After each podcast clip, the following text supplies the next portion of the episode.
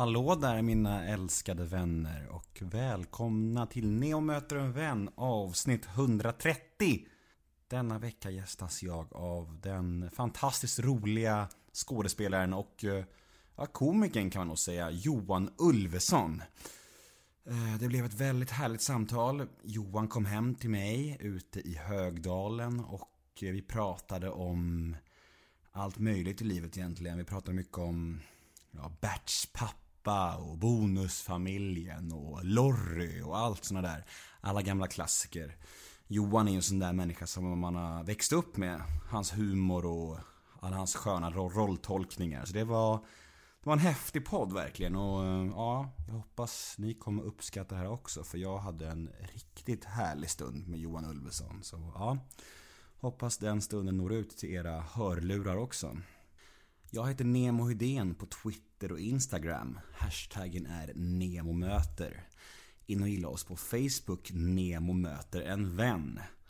Har ni några frågor eller önskemål gällande podden eller feedback eller vad som helst så får ni gärna skicka det till mig på nemohedén gmail.com Podden presenteras precis som vanligt av Radioplay och klipps av Daniel Eggemannen Ekberg. Men nog om mig. Dags för Neo möter en vän avsnitt 130. Gäst Johan Ulveson. Rulla jingeln. Nemo är en kändis, den största som vi har. Nu ska han snacka med en kändis och göra honom glad. Yeah! Det är Nemo är en kändis, kändis. den största som vi har. Nu ska han snacka med en kändis och göra honom glad. Yeah! Välkommen till Neo möter en vän, Johan Ulveson. Ja, tack så mycket. Tack. Hur är läget? Jo, det är bra. Jag, jag har hittat hit så jag är väldigt nöjd med mig själv. Ja. Eller med min eh, mobil kanske jag är nöjd med. Alltså du frågade så här, finns det parkeringsplatser? Och jag, jag bara svarade så här rent instinktivt bara, ja det finns det. Ja, För ja, jag har det, inte ens körkort så jag vet ju inte egentligen. Nej, men det, då kan jag tala om för dig att det är gott om parkeringsplatser. Än så Ja. länge. Det är. det. Är bra att veta i framtiden. Jag, jag hoppas, om jag inte står på något annat, eh, någon torgförsäljning eller någonting. Då får jag, då får jag pröjsa. Ja, det får du göra. Fan vad grymt att ha dig här. Ja. Vad kul, nu kör vi igång. Ja, visst. Hur, eh, hur trivs du i den, här, i den här stolen? Intervjustolen där du sitter? Alltså, jag, jättebra. Jag trivs bra. Ett mysigt eh, kök. Eh, ja, tittar ut här. Ja, det, det känns bra. Men jag tänkte just eh, i, inter, in, i intervjuobjektsrollen. Jaha, liksom. okej. Nej, men jag har aldrig varit sådär jättebekväm i den. Ehm, för det är på något sätt en, en speciell talang det där. Att kunna liksom formulera sig effektiva svar sådär. Så att det blir roligt och intressant. Mm. Ja, det, det, jag vet, jag har aldrig riktigt... Ibland blir det bra. Mm. Ofta blir det ju skitdåligt. Men är det, är det för att du är, är förknippad som en rolig människa och du känner press på det lite grann? Nej, det, det, det, gör, det kan jag inte påstå att jag gör. Det är inte det. Jag tror, men, men det är klart att man känner sig... man- Ja, det, kanske är, det kanske är mer så än vad jag själv vill erkänna. Alltså i alla fall, kanske inte vara rolig. Men, men eh, alltså när någon ger en den uppmärksamheten, att de vill prata med en om någonting. Då vill man ofta liksom leverera tillbaka någonting som de blir nöjda med. Det ingår kanske i, i, i jobbet jag har på något sätt. Att, att tillfredsställa den Ja. som, som för, liksom ska titta på mig eller lyssna på mig. Och, och det, det kanske är någonting sånt som uppstår. Se- Sen, sen är det någonting annat också. Alltså det är jävligt svårt att prata om sig själv och det privata. Och, det är svårt att liksom känna eh, naturligt var gränserna går. Är det man svårt att hitta balansen mellan Ja, precis, precis. Och, alltså en del som man... Det, det, det kan ju bli helt ointressant en intervju. Alltså vill man inte släppa till någonting, då är det ju bättre att låta bli egentligen. Mm. Så att det där är lite svårt alltså. Det är det. Vi får se vart vi hamnar. Ja, det får vi göra. Ja. Men alltså har du något så här, har du något så här ämne som du är så sjukt trött på att prata om eller något som du aldrig snackar om eller så kan vi bara stryka det liksom. Nej, alltså jag har ingenting som jag kan säga, det där vill jag inte prata om. Utan då, det, det kommer jag säga när du frågar något. Lär väl märka det i så fall. Ja. Du, jag tänker att vi kan ta det lite grann från början i alla fall och eh, jag är alltid så nyfiken på offentliga människor, va- varför de blev just liksom kändisar om man säger så. Du är ju ändå, du är ändå ganska stor kändis om man säger så. Och eh, det finns ju något speciellt med folk som har sökt sig till den här offentligheten på något sätt. Och jag vill ta det från början lite grann. Och hur var din barndom? Skulle du säga att din barndom var positiv eller negativ om man drar, hårdrar liksom? Positiv om man hårdrar det, absolut. Jag är uppvuxen i, jag, När jag var liten så flyttade vi till Karlskrona. Jag var väl två år. Och, eh, jag föddes i Stockholm. Och eh, sen flyttade min familj då. Min pappa eh, var eh, sjöofficer. Och eh, ja, han började jobba där nere i Karlskrona då. Fick, någon, fick något där. Och, och, så att det var väldigt idylliskt. Vi hyrde en lägenhet i en sån här två, två, tvåfamiljsvilla. Hyrde övervåningen. Nära havet och mycket kompisar runt omkring. Och, ja, jag hade en bra barndom. Vem var du i plugget? Jag, var, jag har aldrig varit bra i plugget. eh, Så jag var, jag var, jag var nog en ganska kul kille tror jag faktiskt redan från början. Det var den platsen som jag liksom kunde ta på något sätt. Mm. Och lite uppstudsig och snackig och sådär. Klassens clown. Ja, det, det tror jag faktiskt man kan säga. Det är inte helt... Alltså det, minnet är ju ett bedrägligt eh, organ, eller man ska säga. Du bara chansar. Ja, du har ingen ja, aning. jag, därför kan jag lika väl hitta på vad som helst. Men jo, men jag var nog lite av klassens clown. Det var jag nog. Du Ja, chansen nu att skapa en helt ja ny exakt. uppväxt och barndom. Ja, precis. precis. Men det är ganska många ändå, alltså när man pratar med skådisar just, som har haft den där eh, lite klassens clown och eh, alltså favoritgrejen var roliga timmen och så här. Och, ja. Men det, det, det, det två, finns två sorter tycker jag. Dels den sorten då. Som, jag kanske tillhör på sätt och vis. Men så finns det också den här blyga sorten som, som aldrig har velat träda fram. Och som har liksom hittat en väg att, att våga kliva fram genom att hålla på med teater och sådär. Så det är olika, olika sidor. Eh, Ja. Och vilken skulle du säga att du är? Nej, men jag har nog varit den skojiga killen i plugget. Men samtidigt är jag en ganska blyg person. Så att jag känner båda sidorna kan man säga. Eh, Jag kan känna det där också, att det, det är också ett sätt att ta sig över en tröskel för, för, mig. Att när jag uppträder eller gör någonting. Men, men alltså generellt så, alltså man behöver det är ju det är ju lite kul att psykologisera kring varför man gör saker. Sen, sen är det ju rätt svårt att veta vad som stämmer. Men ofta är det väl en strategi att överleva i alla fall. Eh, Det är det. Och Om man, om, man, om man inte är bra på andra saker så hittar man någonting som det här. Det här funkar. Liksom. Trygghet, en, till, en tillhörighet liksom. Ja, precis. Och man får feedback på det. Man får uppskattning. Jag tror jättenaturligt. Man söker sig till någonting som kan bli ens liksom, trygghet. Ja, ja visst. Det kan. Om man inte blir boxare så kan man ju bli rolig liksom. Ja. Det är olika vägar. Men kände du ganska omgående redan i skoltiden att du hade liksom en fallenhet för det här med att vara rolig? Liksom? Ja, det, det har jag känt från början. Jag tror jag hade det med mig hemifrån på något sätt. Mm. Någon slags, eh, ja lite, lite, fräck, liksom. Att våga säga saker som, som, som ingen annan sa, sådär. Påpeka saker. Och, Mm. ja, jag har en fallenhet för liksom elaka, lite roliga kommentarer och sådär. Som, som tog lång tid för mig att också behärska sen. Att inte liksom, att inte vara taskig mot folk. Eh, För jag, jag kunde kanske... Jag hade lätt för det och, och då är det lätt att bara liksom... Köra liksom. Ja, precis. Det är också en balansgång. Ja, det är ju det. Precis, till slut blir man ju ganska... Man vill inte vara elak Nej, heller. nej, nej, i alla fall inte alltid. Lite elak. Man, ja, men ibland vill man ju absolut. Ja. Alltså det är ju ett sätt att, att, att, att hävda sig och, och försvara sig själv. Mm. Om man inte försvarar sig fysiskt då, vilket jag aldrig har riktigt haft eh, den Du känns, inte, du känns inte som en slagskämpe. Nej, fast jag var nog inte främmande för det heller när jag var liten. var jag ganska... Då kunde jag slåss och sådär i skolan. Men sen blev mina kompisar större än jag. Så att då fick man ju vara elak mot dem på avstånd istället. Hur var det med eh, brudarna i skolan? Fick du några tjejer?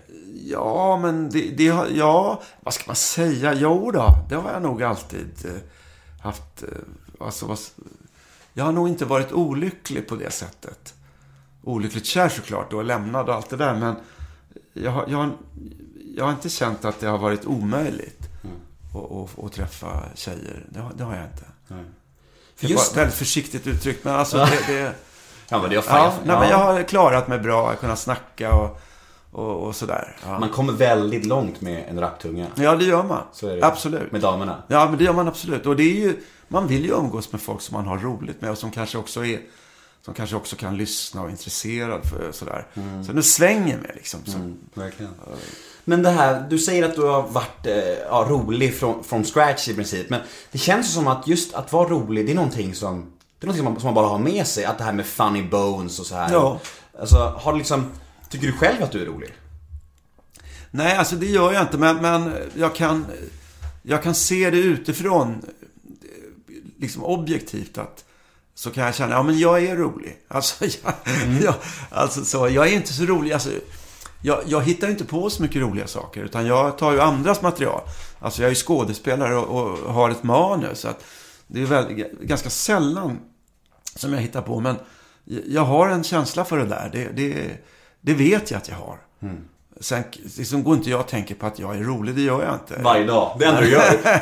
Jag är ingen rolig jävel. Nej, men det gör jag inte alltså. Men, men jag vet att jag är rolig, det vet jag. Skönt. Lagom sund inställning till det tycker jag. Ja. Men just skådespelaryrket då som du är inne på, att du är en skådespelare i grund och botten. Ja. Hur kom det in i ditt liv? Ja, hörde du, eh, det, det, det, det är inte alldeles lätt att säga. Jag, jag hade en allmän, eh, så att säga, kulturell inriktning kanske. Alltså jag hade en tanke, en dröm om det. Kanske skriva. Och så att jag höll på lite att skriva. Jag hade kompisar som skrev. Och jag skrev inte så mycket, men jag hade liksom en tanke om att jag skulle skriva. Eh, och jag hade kunnat skriva kanske journalistik eller något sånt där. Hade det kunnat bli kanske möjligtvis. Inte vet jag.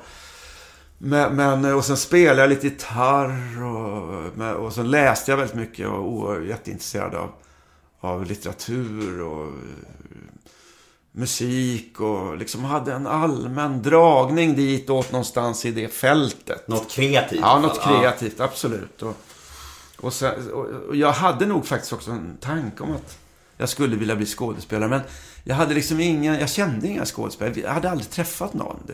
Jag vet att det bodde, Sten Ardenstam, en gammal komiker, bodde här, här precis, i de här områdena. eh, där vi sitter nu. Och, och, och jag, jag vet, det var nästan, man gick förbi här, där inne någonstans bor Sten Ardenstam. Du vet inte ens vem det är. Men han var populär komiker som var med i tv. och det tyckte man var så här magiskt liksom. Det var, jag hade aldrig sett någon i verkliga livet. Jag hade en klasskompis som hade en pappa som var ljussättare på, på tv. Och jag, jag brukar sitta kvar och titta på eftertexterna för att se hans namn. Så. Då hade jag någon slags... Det, det stänkte lite på mig liksom, för jag Mm, kände jag hans son. Så jag var liksom, fick en liten sådär... Det är möjligt där Mm. att komma in. Så det var väldigt avlägset. Så att det var nästan svårt att, uttala det högt. För att folk kanske skulle bara skratta åt det eller något sånt här. Men alltså, när du pratar om din bild av skådespelaryrket och, och den här världen. Om man tänker på vart du är idag. Det måste ju vara helt living a dream, eller? Ja, men, ja, men det, det, det blir ju vardag. Alltså, men det, det kommer till en långsamt. Det, det, Mm. det, det blir vardag. Men visst, alltså, var, det är ju viktigt att tänka på det ibland. Mm. Att, att, att vara eh, Tacksam. glad och tacksam lite grann. Mm. Kåt, glad och tacksam. som Peter Dalle. Och idag, och idag påminns du ju när du går igenom livet. Liksom. Ja. Ja, nej men det är väl, det är väl bra. Men, men sen eh, så var jag, hade var jag tillsammans med en, en tjej och hon skulle söka till en teaterskola. Och då hade jag jobbat flera år med olika jobb. Jag jobbade som sjukvårdsbiträde och lite andra sådana jobb som man kunde få då på den tiden. Eh, Och, och, och då hängde jag på och liksom övade in ett prov och kom in där. Det var på ABFs teaterskola och sen så har det fortsatt efter det. Sen så småningom kom jag in på, på eh, scenskolan i Malmö. Och eh, ja, sen var jag inne på den här vägen. Och resten är som man brukar säga historia. Resten är historia.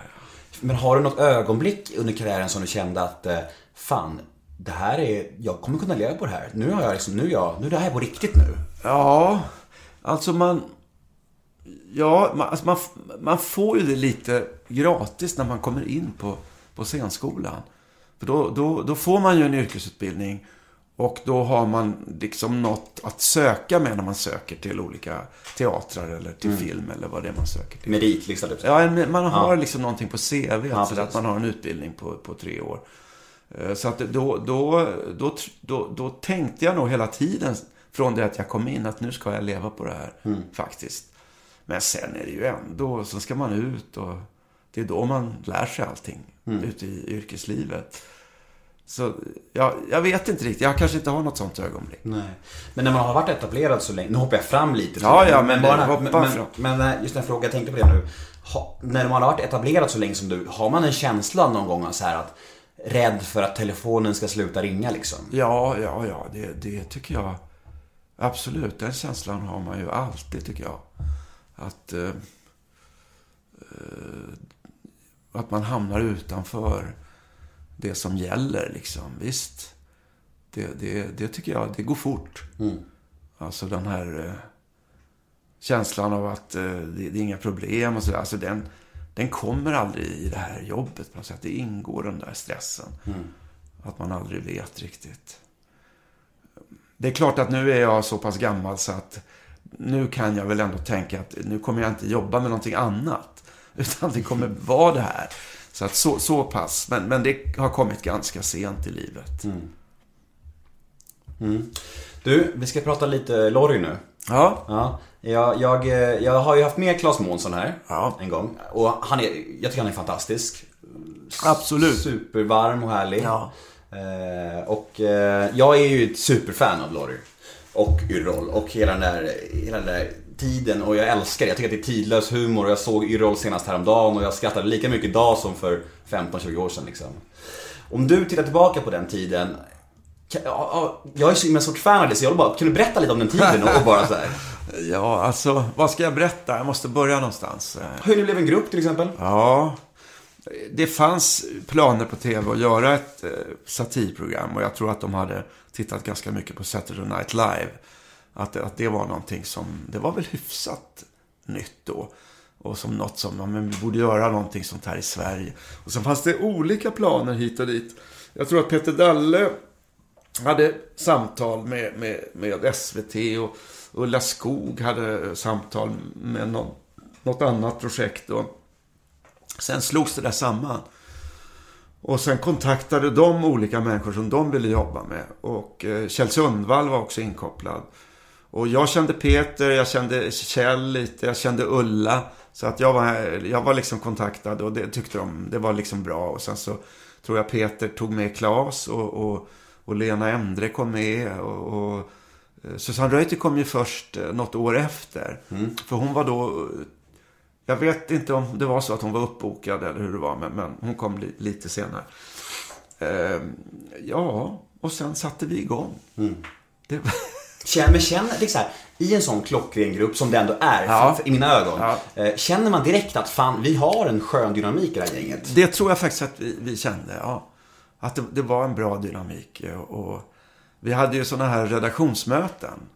Och det, det, det, var ju, det kändes bra liksom. Det, det, När ni bollade idéer? Ja, det var kreativt. Och, eh, till en början hade vi ganska många textförfattare. Eh, Men, eh, det som hände då, det var ju att Peter Dalle kom in i en enormt kreativ period. Alltså han, han, han skrev ju oerhört många av de här sketcherna.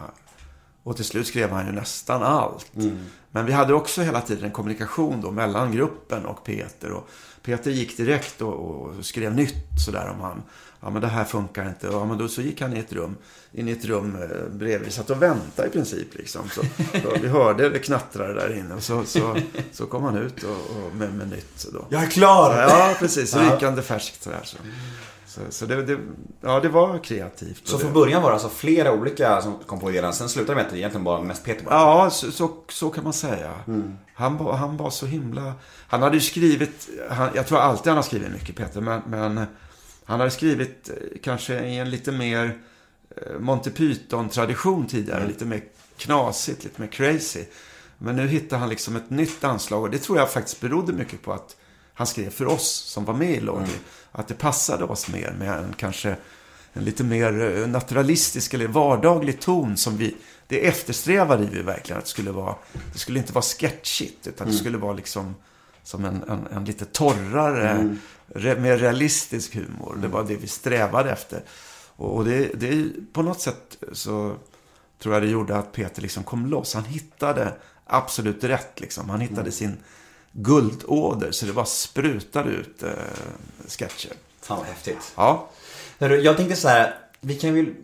Jag, kan, jag nämner alla medlemmarna i gänget så får du dra några ord om eh, dem. Okej. Är det okej? Ja, det jag Vi kan börja med Claes Månsson då. Ja, som du sa, han är ju fantastiskt underbar eh, kille och eh, så oerhört snäll.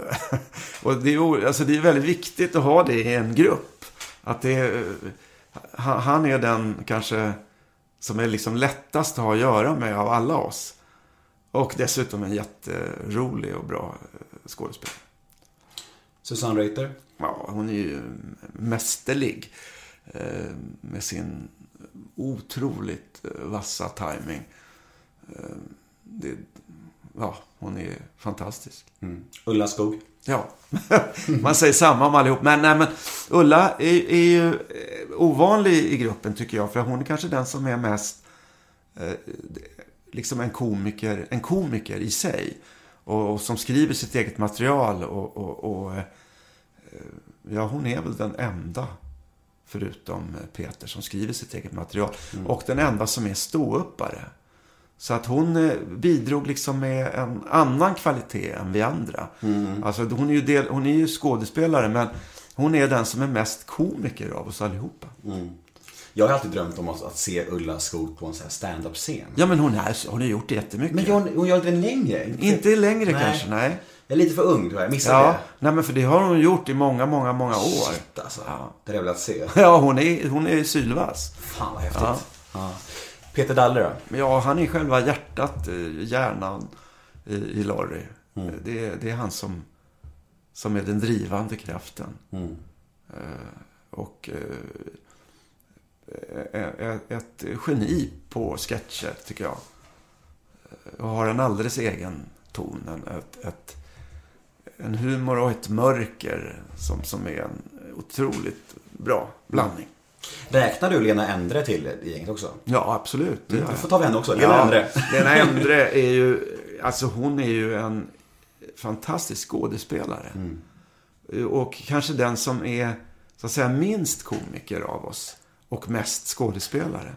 Och det är just den där blandningen av olika eh, typer som, som, som gjorde det så bra, tror jag. Det är blandningen som gör dynamiken antar jag. Ja, ja precis. Så att det, jag menar, det var ju helt fantastiskt då, att Lena var med, tycker jag. Ja. Det finns ju en sketch i Yrrol. Eh, Jag gissar att du kommer... Jag vet vilken jag pratar om nu. Eh, Den som är mångas favoritsketch och det går många rykten om den här sketchen. Det är när ni ska diskutera en present. Just det. Precis. Och eh, många...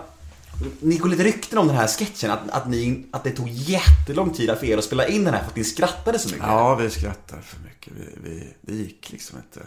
jag, tycker, jag skrattar när jag tänker på hur mycket ni skrattar ja. Och det var mycket det att, att, att, alltså det var att Susanne var så himla bra.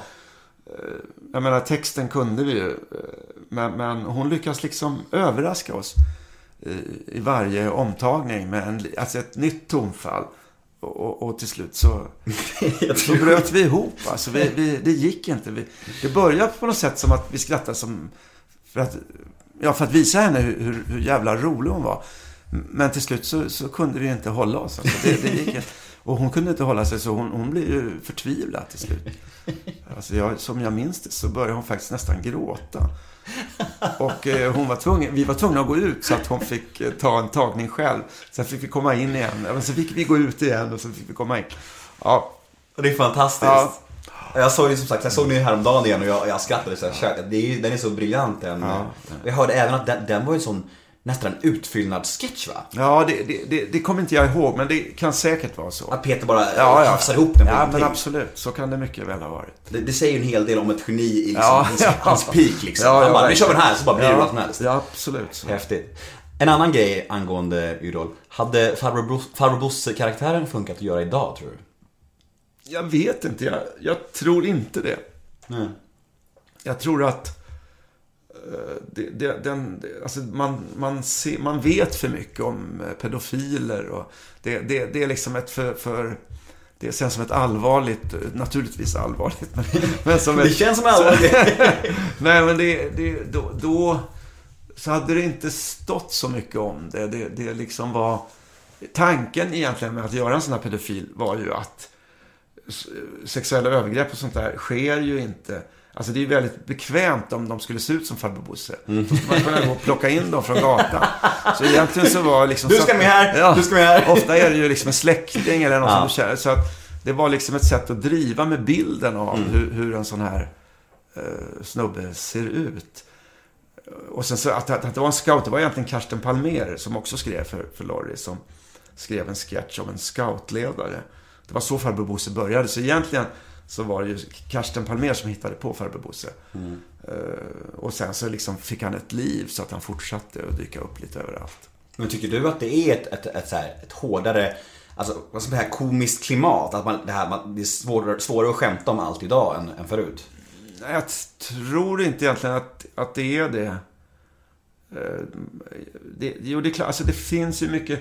Det, det finns olika grupper. Det finns känslighet och man kan inte eh, liksom säga vad som helst. Och eh, till den största delen så är det ganska rimligt. Alltså att man inte kan göra eh, asiatiska eh, vad, heter, det, schabloner och eh, liksom. Det, det är ju inget konstigt. Nej. Det, det, Jag träffade, jag det är träffade en helt naturlig utveckling, liksom, att man tar hänsyn till detta. Men samtidigt kan ju humorn bli ängslig. Mm. Och då är det ju ingen bra miljö för humor. Det är det ju, det är det ju inte. Nej, ängslighet. det är kanske är en sund utveckling å andra sidan. Det det. Ja, det är inte så konstigt. Nej, jag menar, jag- folk säger ju jättegrova saker idag också på, på humorscenen. Alltså. Så är det. Jag träffade ju Peter Haber för drygt två månader sedan och då frågade jag honom om han, om han skulle kunna göra, om den här Sune Sommar-scenen när de skrev Niggerballs. Ja, just det. Den skulle funka. Ja. Det är väl jävligt tveksamt Ja, det är till exempel. tveksamt, det är det. Och det är ju snarare sunt att den inte skulle funka Ja, idag. det är inget konstigt. Det är det inte. För, det, då, för det är nästan snarare, det är väl snarare sjukt att det funkade då. Ja, faktiskt. Det Så, ja.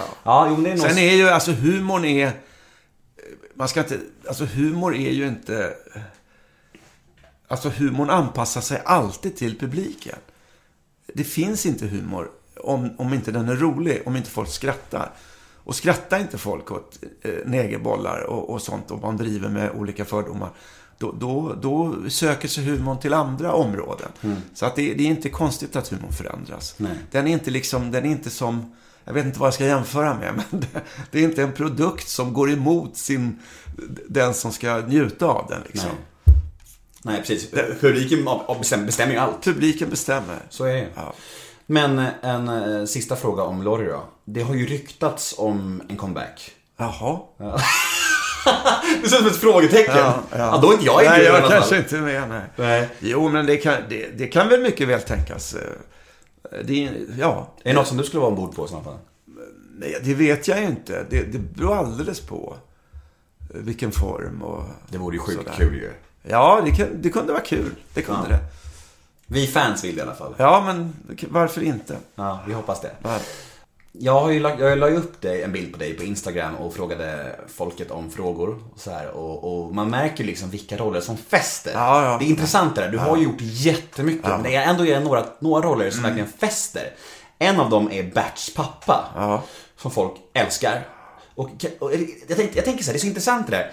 Vet man själv någonstans när en roll kommer fästa? Eller har man någon aning om sånt? Eller är det, så här, är det chock för dig när folk gillade Berts pappa så mycket, till exempel?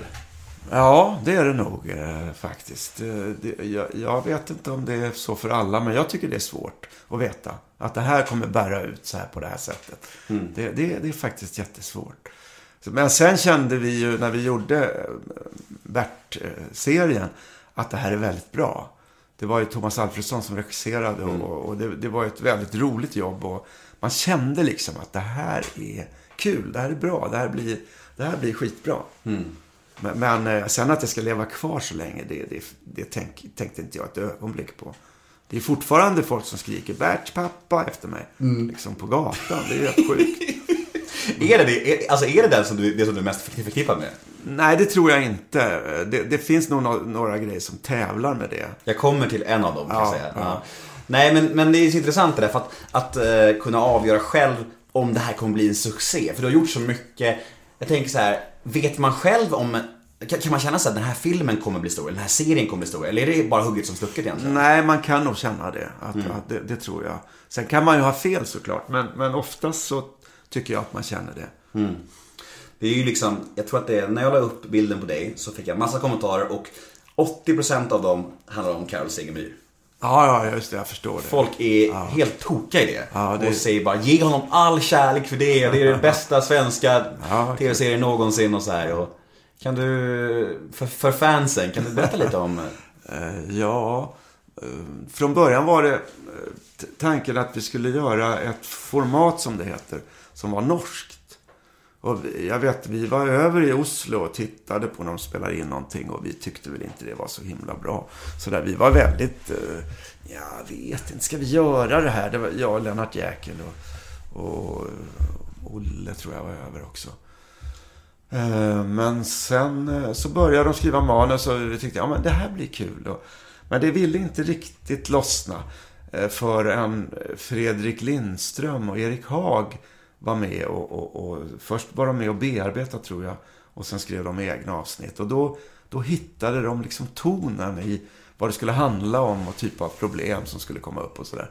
Så att eh, från det så kändes det att, ja men nu så, nu börjar det funka. Hade, men hade du en sån känsla här då att det här kommer nog bli framgångsrikt? Alltså jag tror faktiskt jag var ganska orolig över Carro Segemyhr.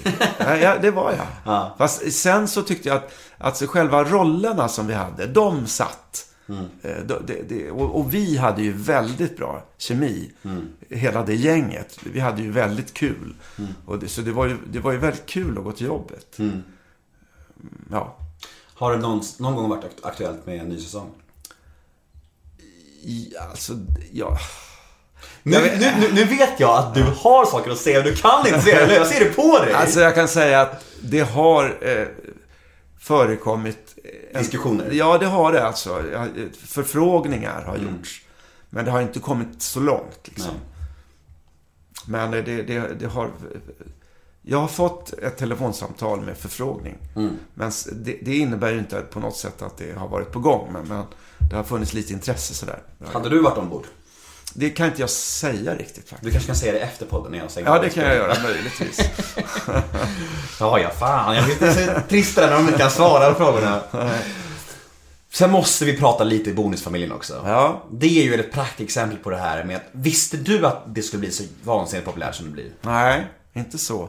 Men, men där kände man väl också att det här kommer bli bra. Också att eh, Felix eh, so, som, eh, och hans eh, fru då är ju initiativtagare till det. Och jag tycker, alltså Felix satte en ton från början i serien. Som kändes väldigt stark. Alltså man, kände att ja, men det här är rätt. Det här, är, det här kommer bli bra. Den känns annorlunda tonen. Det är Ja, det. ja men det Väldigt unik i ja, Sverige. Ja, faktiskt. Den är enkel liksom. Mm. Det, han har skalat ner, skalat bort alla... Eh, liksom allt spel. Och det är bara livet. Ja, liksom. det är precis det. Och ändå så innefattar det, det är enkelt men ändå så innefattar det Ja, allt. ja. Just. Och ja, det, är liksom, det är ju en komediserie som är, som, som är också ett dra, drama. Men det är ju roligt hela tiden. Mm. jag tycker det, det är verkligen bra. Ja, det, är väldigt, det är väldigt underhållande och ångestsamt. Man kastas fram och tillbaka hela ja, tiden. men liksom. visst, visst. Ja, det är, jag tycker det är grymt. Och det är, jag tycker att jag älskar din karaktär. Så jävla... Den relationen är så jävla deppig. Ja, alltså. den är deppig. den. Är, den är brunbeige liksom. Verkligen. Men Det är underbart att, att, att de är på samma deppiga nivå liksom. Bara accepterar miserabel relation liksom. Ja, ja. Ja, roligt. De har väl något som, ja, som, som gör att de håller fast vid varandra. Ja, att, att de är på samma nivå kanske. Ja, kanske. är det. Ja.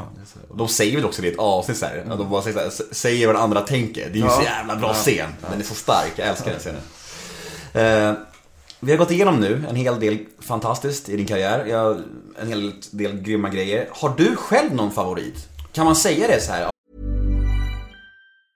Normally, being a little extra might be a bit much, but not when it comes to healthcare. That's why United Healthcare's Health Protector Guard fixed indemnity insurance plans, underwritten by Golden Rule Insurance Company, supplement your primary plan so you manage out of pocket costs. Learn more at uh1.com.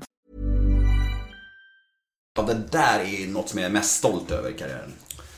Alltså det är väldigt svårt. Det, är, det tycker jag faktiskt är jättesvårt. Det, jag, jag tänker inte på det på det sättet.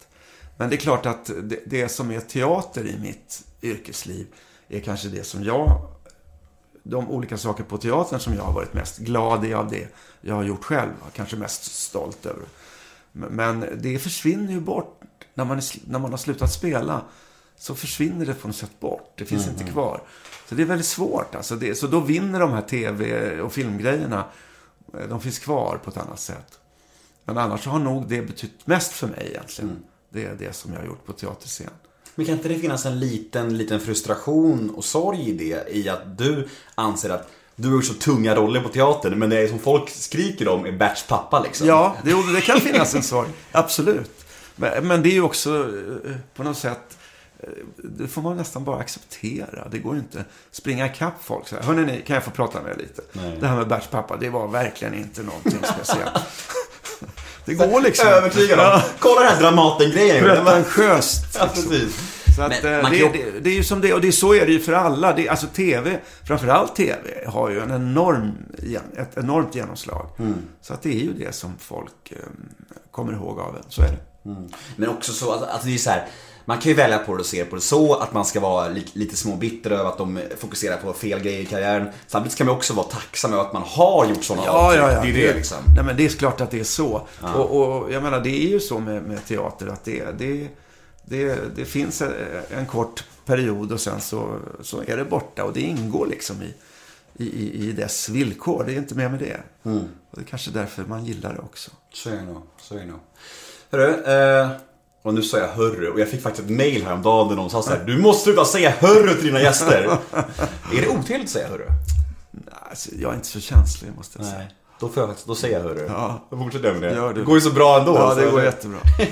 Du, du blev ju sjuk för några år sedan. Ja. Och jag såg när du pratade om det i Renés brygga. Mm. Och jag tror inte alla har sett det, men jag, jag blev väldigt berörd när jag såg det. Och, och det var en stark historia och eh, du pratade om att dina barn inte kände igen. Det är en historia som jag tycker är väldigt stark. Kan inte du berätta lite om den perioden och sjukdomen och vad som hände och så här? Alltså egentligen så har ju jag väldigt diffusa minnen själv. Så att det är min familj som var mer drabbade än vad jag var när det här, när jag insjuknade. Men jag, jag, jag fick ett sånt här fästingbett och eh, blev då smittad med TB och, och det visste jag inte utan jag kände mig lite, lite hängig sådär, lite förkyld ungefär, influensa. När var det här? Det var, eh, det är väl fyra år sedan nu tror jag. På sommaren, på sensommaren i augusti. Jag skulle börja repetera med, med Peter Dalle då, en föreställning som hette De 39 stegen. Och jag kände att jag liksom orkade inte riktigt på repetitionerna. Alltså att jag satt mycket på en stol sådär lite utanför scenen och försökte liksom ta mig samman. Och sen sjukskrev jag mig några dagar och sen kom jag tillbaks.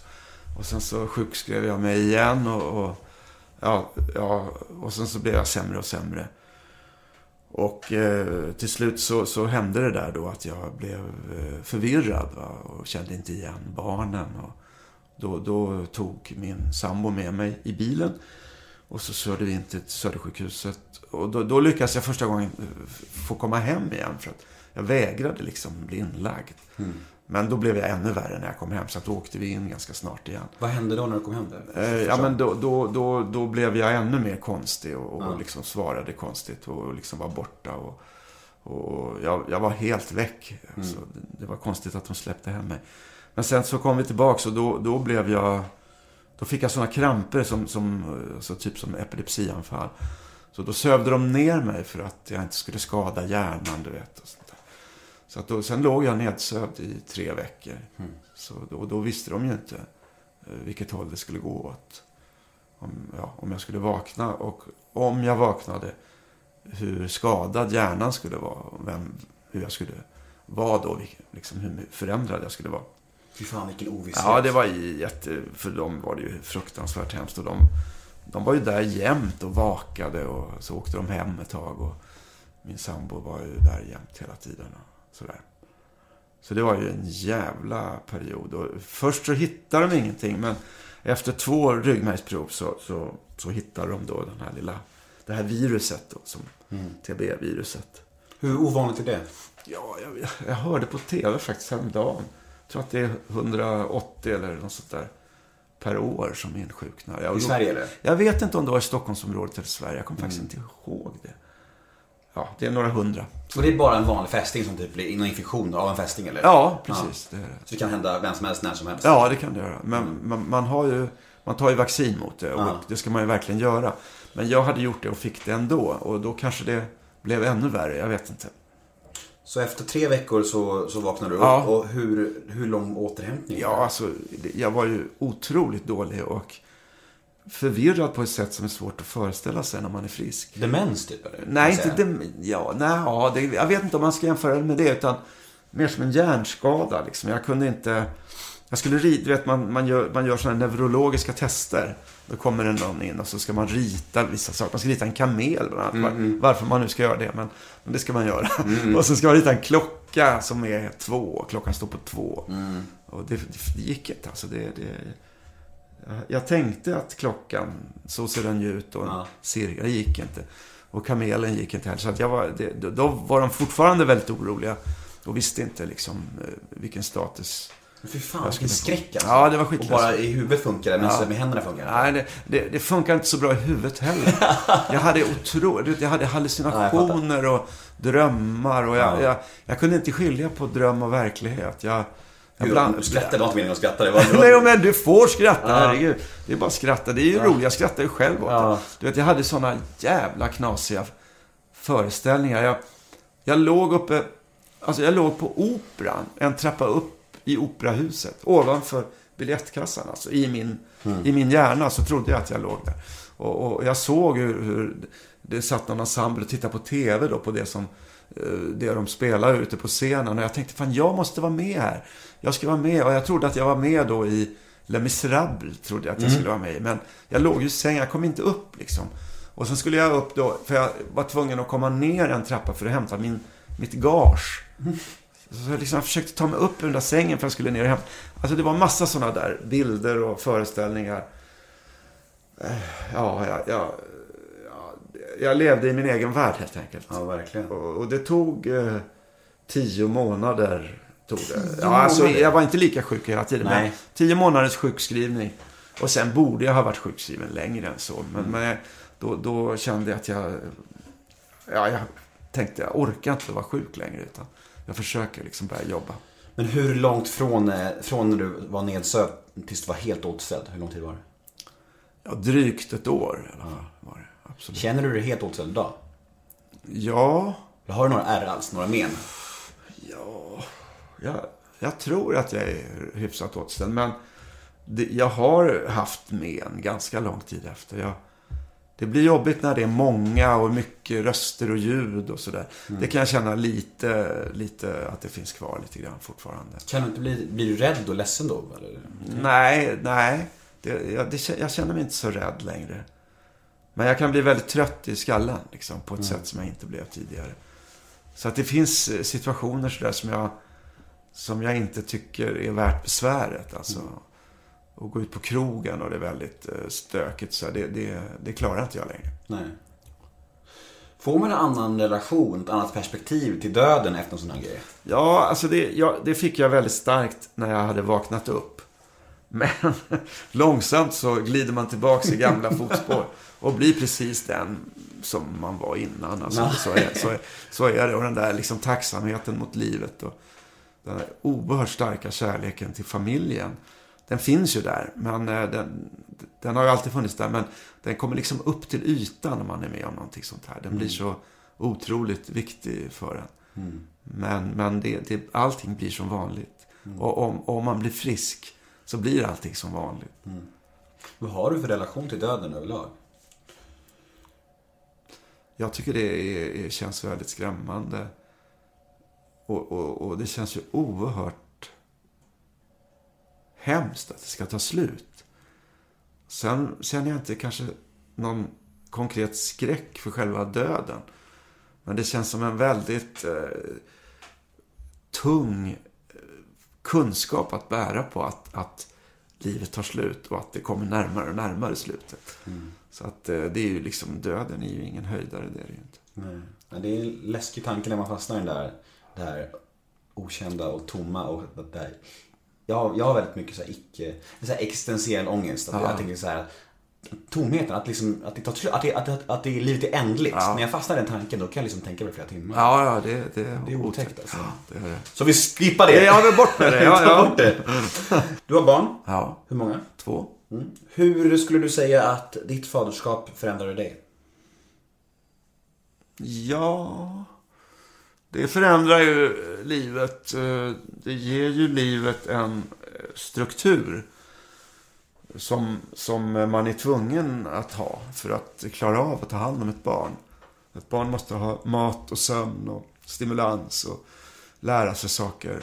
Så att det, det är barnets, ba- på något sätt, eh, påverkar ju allt i ens liv. Alltså. Det, det förändrar ju allt. Om man nu tar del av barnet. Det är inte så att du får ett barn så händer det här automatiskt. Men om du gör det valet, att du ska ta hand om barnet, så, så förändrar det ju. Ja, det är tanken. Ja, ja, ja, det är inte alla som har den tanken. Nej, det är det verkligen inte. Men, men det är ju en stor förändring, absolut. Och sen så, så kan man säga det, att det, det kan, alltså man kan ju säga att det är det viktigaste som händer en i livet, att man får barn. Men samtidigt så, så lever ju människor utan att få barn. Och, och de lever ju också fullgoda och viktiga och, eh, liv. Johan Rabaeus. Ja, ja, precis. Så, så att det är inte så att man kan liksom säga att barn löser allt. Barn är, Nej. är svaret på allt. För det är det inte. Utan eh, barn är ju, det är ju det är en väldigt stor upplevelse för oss som får barn. Och det, det är en gåva, det är det absolut. Tyck, hur gamla är dina barn? De är 20, eh, jag osäker. De är 23 och, nej de är 25 och 23 är de ja. Ja, har du barnbarn ännu? Nej, det har jag inte. Ser du fram emot det? Alltså det, det, det ser jag fram emot, men, men eh, det skulle jag aldrig säga till dem. Alltså. Eh, För att det är ju upp till dem. Hoppas de inte hör det här då. Ja, precis. Men eh, jag tänker mycket på det här med, men alltså har du någon favoritålder som har varit det? Kan man säga så? Eller är det liksom alla har sin charm eller hur? Ja, alltså det, det, småbarn, småbarnsåldern är ju tuff. Det, den, säg inte så. Den, den är ju väldigt tuff, det är den ju. Och, och nästan omöjlig på många sätt. Men den är ju väldigt kort alltså. I efterhand så tycker man att, alltså jag kan inte ens komma ihåg att det var jobbigt. Jag vet ju att det var det, men det, det, det försvinner bort. Så fort det är borta så är det Mm. borta. Det är så konstigt där, för många bara, småbarnstiden är jättetuff, men samtidigt säger folk också, ta vara på småbarnstiden. Man bara, det säger väl emot sig själv lite grann? Vad ska man göra? Ska man ta Jo men, vara på det, det? jo men det är ju det att den är så kort. Alltså, och, och det är ju också jävligt roligt att se dem ta sig igenom de här åren. Men en favvoålder, ja, jag vet. Tio. Ja, precis, alltså innan puberteten där, åtta, nio, tio. Sju, åtta, nio, tio, det är ju en jävligt rolig. Där, där de är smarta och roliga att prata med. Och, och man kan gå på bio och man kan läsa och man kan, man kan göra allt. Och de gillar eh, kanske att prova eh, mat till och med. Några gör det, andra gör det inte. Det, och det är inte det som är det viktiga. Men alltså, det är en rolig, rolig tid. Sen så, eh, puberteten. Aj, aj, aj, oro. Nej, men den är, det är en orolig tid. Det är Ja. det. Man är orolig. Och de är inte längre så intresserade av en. Alltså det är de ju, på, fast de tycker inte det själva i alla fall. Nej. Utan det är annat som är intressant. Man är inte längre största idolen liksom. Nej, det är man inte. Och man är inte, kommer inte första rummet på något sätt. Utan det är kompisar. Och... Är det svårt att hantera det? Ja, det kan vara svårt. Absolut. Det, det kan vara en väldigt tuff tid för, föräldrar, för oss föräldrar. Ja, för barnen inte minst, men, för oss också. Har du något tips då till, en, eh, till, till mig som pappa? Alltså, jag, jag, jag, jag har svårt med tips. Jag, jag, jag tycker inte... Det är all, alla upp, det är väl unikt, tänker jag. Alltså, du vet. Ja, ja men eh, nej. Jag, jag, vad ska man ha för tips? Var närvarande. Ja, var närvarande. Och det går fort alltså, så att eh, det, det ligger något i att ta tillvara tiden med dem. Var det som du trodde att bli förälder? Jag vet inte riktigt vad jag trodde. Jag, jag, man, man återupplever sitt, sitt, sin egen tid, alltså sin egen barndom på ett sätt när man blir förälder. Och, och jag, jag både har förstått mina föräldrar bättre när jag själv har haft barn och förstått dem mindre också. Jag har inte liksom fattat hur fan kunde de göra på det sättet. Och Eh, det är ganska svårt att vara förälder och, och vara en, en riktigt bra förälder. Att känna att man själv är en, en riktigt bra förälder, det är väldigt svårt tycker jag. Fan, nu känner jag press på mig. Ja, Det det här, det här kommer bli tufft. Alltså fan. ja, ja, det, det är jag ganska, det är jag inställd på. Så att det, men fantastiskt också. Så Ja, ja, gud ja. Det Herregud. får man också poängtera. Ja, ja, ja, gud. Hörru, eh, nu kom det igen, hörru. Hörru. Hörru Hörru. hörru Johan Ulveson. Ja. Vad har du för relation till alkohol? Jag, jag, har, jag tycker om alkohol. Jag, jag, jag dricker gärna alkohol. Men jag, är- jag är ganska disciplinerad sådär för att eh, jag har eh, både i släkt och runt omkring mig människor som inte har en bra relation till alkohol. Så jag, jag, jag är, har ganska mycket respekt för det. Och vill gärna fortsätta ha det som, som ett njutningsmedel och dricka vin och dricka eh, och ta en öl på krogen och sådär. Så att eh, då gäller det att, att inte liksom låta det ta överhanden. Så att man får problem med det. Har du sett många kollegor som går ner sig, går ner sig i branschen? Ja, inte, inte så många, men det räcker ju med, med några. Mm. Eh, Så, och det har jag sett runt omkring mig, absolut.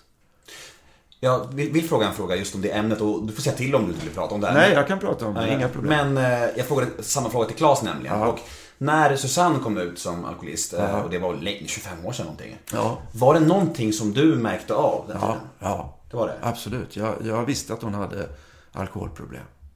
Absolut. Det, det, det, var så. Hon kunde inte dricka med måtta utan hon drack eh, alltid för mycket. Och blev eh, jättefull. Och sådär. Så att eh, eh, det var ju ett jättebra beslut som hon tog. Mm. Och eh, hon har ju, också genomfört det och, och liksom hållit det på ett väldigt bra sätt. Mm. Men jag tror att för henne var det enkelt på det sättet att hon fick inte ut någonting av alkohol. Nej. Utan det var bara nackdelar egentligen. Var det, var det påtryckningar från er kollegor där? Nej, det, tror, det, det vet inte jag. Det ska jag säga, det vet inte jag. Men jag upplevde det som att hon tog det beslutet själv. Hon, hon, eh, hennes barn var ju ganska unga då också. Sådär, så att, eh, de bodde ju hemma och så. I alla fall tror jag att det var så. Jag är inte säker. Jag ska inte prata om Susanne, men, Nej. men eh, hon, hon tog det beslutet själv tror jag. Grymt, tycker jag. Eh, och vad har du för relation till droger? Topp, jag tycker det är toppen. Slår alltid på en holk på Jag fredagskvällen. tänker, jag tänker du skådis, du, sex, du är Dead. 60 plus. Det är inte så att det, hade, varit, hade varit en skräll om du hade rökt lite hasch i ungdomen. Alltså, jag menar, Nej, jag menar, nej, men så är. Men alltså jag har, jag, det, jag har aldrig ägnat mig åt, åt droger. Alltså det är klart att jag har stött på det en och annan gång. Men, men, men eh, det, det är ingenting som jag har haft något intresse för i någon Nej. större utsträckning. Alltså. Nej. Annat än vid enstaka tillfällen så att säga. Alla har varit unga och dumma. Ja, ja, ja. Nej, men det har jag varit också. Det, det, det, det är inget konstigt. Men, men eh, det har aldrig... eh, Det har aldrig liksom blivit något sånt för mig. Gudskelov. Bra. Eh, när grät du senast? Igår faktiskt på föreställningen för att jag har en scen där jag gråter och ibland så blir det väldigt mycket gråt och ibland så blir det inte så mycket. Så är det. Men du, du kan gråta på beställningen? Nej, alltså det är inte på beställning utan det är att det, det, det triggar en. Den här eh, situationen som, som är i pjäsen gör mig så ledsen så att jag gråter. Men annars så gråter jag väldigt sällan privat. Men när jag var sjuk så, så, och, och vaknade upp från, från eh, vad heter det, koman eller vad fan det heter. Så då, då grät jag ju alltså oerhört. Jag var totalt ostoppbar. Jag bara grät och grät. Varför tror du? Ja, alltså det är ju ofta så. Även folk som har fått stroke och sånt eh, blir väldigt lättrörda. Och likadant med det här då, som jag hade. Det heter ju slagrörd. Och det beror väl på det, antar jag. Men... Eh, ja, vad menar du annars med förhållande till gråt? Nej, nej, nej, jag, nej jag, det var inte frågan. Jag frågade bara när jag grät sist. Ja, så nu var det det? Okej, det var alkoholen. Just det, jag blandade ihop. Det är helt okej. Vi kan gå vidare. Du, det, du sa att du är återställd från sjukdomen och det är ju fantastiskt. Eller ja, mer eller mindre i alla fall. Eh, det, när mår du annars som sämst idag? Har du något så här, hur är det, liksom ångest och sånt? Är det någon... Vad ska jag säga? När, när känner du dig som lägst idag liksom? Nej, men jag kan känna mig låg i perioder. Jag har det kynnet så att säga. Att jag, jag kan hamna i, i, i, i, inte i depressioner för att det är mycket allvarligare. Men i, i liksom gråa och, och tråkiga perioder. Och jag, jag trivs nog inte riktigt om jag inte jobbar. Alltså jag kan vara ledig på somrarna och så. Men, men annars vill jag ju arbeta. Annars så, så tycker jag att det blir ganska tråkigt. Ja, trivs du rollen som, som offentlig människa? Eh, Alltså, jag, jag, jag trivs jättebra med mitt, mitt jobb. Och i det ingår att jag blir igenkänd. För att eh, det är ju också ett, så att säga, ett tecken på att jag på något sätt har lyckats. Så att eh, på så sätt så, så, så känns det ju bra att, att jag blir igenkänd. Men det här liksom kändisskapet, det är ingenting som engagerar mig så mycket att jag, att jag är det som kallas då kändis. Eh, utan det, det är någonting som bara finns där vid sidan om på något sätt. Men det är ingenting som jag tar del av. Jag går liksom inte på premiärer eller förekommer i veckopressen. Eller, alltså jag, jag gör så lite av det som möjligt. Men att folk känner igen mig på gatan för att de har sett mig någonting. Det, det, det kan ju vara väldigt kul, tycker jag. Och om folk vill ta en selfie med dig så Ja, ja, ja, inga okej. problem. Inga problem. Händer det ofta? Ja, det händer ofta. Varje dag? Alltså, ja, nästan. Om jag går på stan så händer det nog faktiskt. Någon gång om dagen. Det gör det. Mm, fint. Vad tror du är den största missuppfattningen om dig? Det kanske är att folk tror att jag är att jag liksom bara är komiker och en lustigkurre.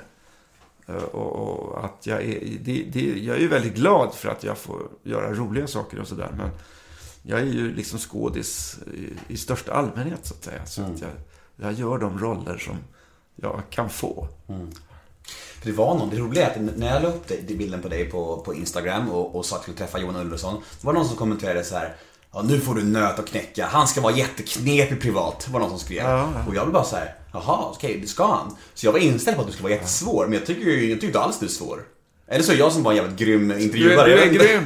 nej, nej, men jag är inte, jag är inte svår. Det, det är jag inte. Det, jag tycker men skitbra. det, det kan ju vara svårt.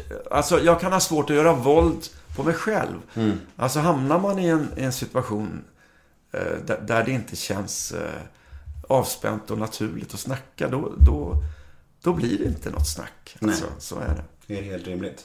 Du, om vi säger att om, om din fru, eh, är det fru? Är ni gifta? Vi är inte gifta. Nej, vi säger din sambo? Min sambo, ja. Sambo. Om hon, vi säger att hon ska beställa eh, bord någonstans och hon inte får bord. Kan det vara så att du då ringer så här, jag tar det här gumman, och så bara ringer du bara och använder ditt namn för att få bord? Har det hänt? Det har det hänt. Ja, visst har det Jag visste det. Det har hänt. det brukar, och det, då, då funkar det. Ja, alltså det har inte alltid funkat, men det har funkat ibland, ja. Absolut. Det har det. Så är säger, det. det säger en del om, om samtiden. Ja, det gör det. Det säger en del. Det gör det. Det är, det är verkligen så. Det är det. Ja. Du, jag har ett segment i min podd som heter ett ord om. Det går ut på att jag säger fem stycken offentliga människor. Du ska säga första ordet som kommer i ditt huvud när du hör namnet. Oj, oj, oj. Sånt här tycker jag är svårt. Mm. Ja, du, får, du, får, du får göra så gott du kan. Ja, ja. Mm. Första namnet. Alex Schulman. Och, ja, kylig var det första jag tänkte på. Jag vet inte riktigt varför. Marcus Birro. Ute. Sara Larsson. Ja, det var, det kom ingen... Alltså, jag, jag, det kommer något, men jag vet inte. Ja, blond. Jimmy Åkesson. Usch. Leif GW Persson. Ja. Mm, eh. ja, det, det, det, är så, det är så mycket som kommer upp med Leif GW. Guru. Känner honom? Nej, det gör jag inte. Ja, bra. Jag tycker du skötte skötte bra. Okej, tack. Eh, Jag vill prata lite om kritik. Ja. Eh, Du är en skådespelare, du får utstå med recensioner och det får man nästan räkna med med det yrket. Absolut. Hur är ditt förhållande till eh, recensioner och kritik och sånt där? Rinner det bara av det eller går det in? Det går in. Det, det gör det. Och, och det är väldigt känsligt med kritik. Eh, Det finns ju så mycket olika typer av kritik. Alltså dels så finns det ju den här eh, yrkesmässiga kritikern, alltså recensenten från tidningar eller radio eller poddar eller vad det nu är som, som har som eh, yrke att, att kritisera. Och då får man ju ofta någon slags, näst, alltså som en relation mellan dem. Man vet ungefär vad de står för. Och, så det blir som ett, eh, ja man vet varför man får kritiken. Men, eh, ja. Alltså kritik är ju väldigt, det är jätteviktigt för att kunna komma vidare. Men, men det är ju samtidigt eh, väldigt... känsligt. Alltså, nu känner jag att jag bara sitter och snackar skit. Vad ska jag säga om kritik? Nej, jag, jag tycker det är intressant för att du är ty- det är uppenbarligen så är du lite ambivalent inför det. Ja, men det är alla tror jag. Ja, Alltså, För att jag fattar vad du menar, att det är viktigt med kritik. Men samtidigt så vill man ju inte att sin prestation ska formas efter kritiken. Liksom. Nej, nej. Det, det, men så enkelt är det inte. Utan en kritiker eh, kan ju liksom... Alltså kritik kan ju bara vara... Det, det kan vara ett allmänt tyckande som, som inte betyder så mycket. Och, och då kan den ju bara vara smärtsam och jobbig om det är någon som, som ger sig på en. Som, som, liksom, som, som inte eh, kan någonting om det man eh, har försökt eh, åstadkomma. Men kritik kan ju också vara ett sätt eh, att, att liksom förstå vad det är som är fel. Så att man kan komma vidare. Och också liksom inte bara, den är inte, kritik, en bra kritik är inte bara liksom inriktad på individen utan på, på föreställningen, på föreställningen som företeelse. Eh, Och liksom i- vilket sammanhang den befinner sig, den här föreställningen. Så att eh, det kan vara, alltså utan kritik så skulle det kännas väldigt tomt alltså för, för, för teatrarna för skådespelare, för regissörer, för eh, dramatiker. Alltså förhållandet till kritikerna, det är ju som ett samtal man för. Och som, som man måste se ur, i ett längre perspektiv. Ett samtal som varar liksom år efter år efter år. Och jag tror att alltså kritikerna som, som grupp, de, de påverkar också till exempel teatern. Vart åt teatern går. De, de, de uppmuntrar vissa sidor och kritiserar andra sidor. Och det är liksom en sida av det. Och den andra sidan, det är ju den här kritiken man får liksom personligen. Och den är ju väldigt känslig. Och den, kan, den sitter ju i som fan alltså. Och, och det är därför också många väljer att inte läsa kritik. Och det, och, men, men det spelar ju ingen roll, kritiken påverkar ju ändå. Även om du inte läser den, så påverkar ändå kritiken. Alltså, k- kritiken kanske inte skriver i första hand för, för, för teatern eller för filmbranschen, utan de skriver väl i första hand för konsumenten, så att säga. För den som går på bio och på, på teater. Men det kan väl inte vara lite så här, alltså känslan att vad fan vet ni? Jo. Liksom, du vet, ni är inte skådespelare. Nej. Vad vet ni om det här yrket? Ni bara tycker. Alltså, du vet. Men det, så är det ju också att en del kritiker är väldigt okunniga. Och de har inte heller någon större respekt. Eh, Alltså, vi har ingen större respekt för dem. Eh, Men sen finns det kritiker som är väldigt kunniga. Och, och, och, och väldigt noggranna och förberedda. Och eh, de, de lyssnar man på på ett annat sätt. Är du självkritisk? Ja, det är jag. Det, det är jag. Verkligen. Det är jag. Vem säger att han inte är, är självkritisk å andra sidan? Men, Det är en bra fråga. Nej, inte så värst. Nej, nej, jag tycker det mesta är ganska bra faktiskt. nej, men det är klart. Det är, det är, jag har en jävla massa nojor och är väldigt självkritisk. Och, Jag har inga som helst krav på mig själv. nej, men så är det ju. Det är, och det är ju den värsta kritiken man har. Det är ju, det är ju man själv. Säger man så? Man själv. Ja, det är ju... Ja, det tror jag man ska ja, säga. ja. Men alltså du har ju varit med i gamet ett tag och eh, gjort väldigt mycket olika saker. Film, alltså serier och allt möjligt. När man blir regisserad, tänker jag på. Eh, kan det vara så här att när ni filmar en scen, tänk, till, till exempel, ni kör en scen och du anser att det här sitter, det här satt det nu. Och regissören bara, nej, den här satt inte, den tar vi om. Ja. Kan det inte liksom skära sig då? Jo, men det kan du ju. Men, men eh, det är ju regissören som bestämmer. Alltså så enkelt är det. Sen, sen så, eh, ofta så lär man ju känna varandra och då brukar ju reg- regissörerna lyssna lika mycket på, på oss, eller på mig, som jag lyssnar på, på henne eller honom. Så det är ju ett utbyte av, eh, av synpunkter och sådär. Ehm, Och, och, men, men ju mer förtroende man har för en regissör, ju, ju mer lyssnar man såklart. Och, och, och du, du, du kan inte stå utanför dig själv och se vad du själv gör. Nej. Utan du måste ha ett öga och det är regissörens uppgift att ha det ögat. Men den här känslan själv då, när man känner att den sitter, är den, är den, ofta, är den oftast rätt eller kan man avgöra det ens? Jag tycker att när jag har den så är den oftast rätt. Men nej, men jo, men det kan man avgöra. Ja. Det, alltså det som är, det, det är ju, alltså intuitionen är ju otroligt viktig. Eh, Och, och, och är den stark, alltså... Visst kan man ha rätt och regissören har fel. Det, det, det är klart att det händer. Men ofta kan man ju resonera och prata om det. Nästan alltid kan man det. Vad är roligast då?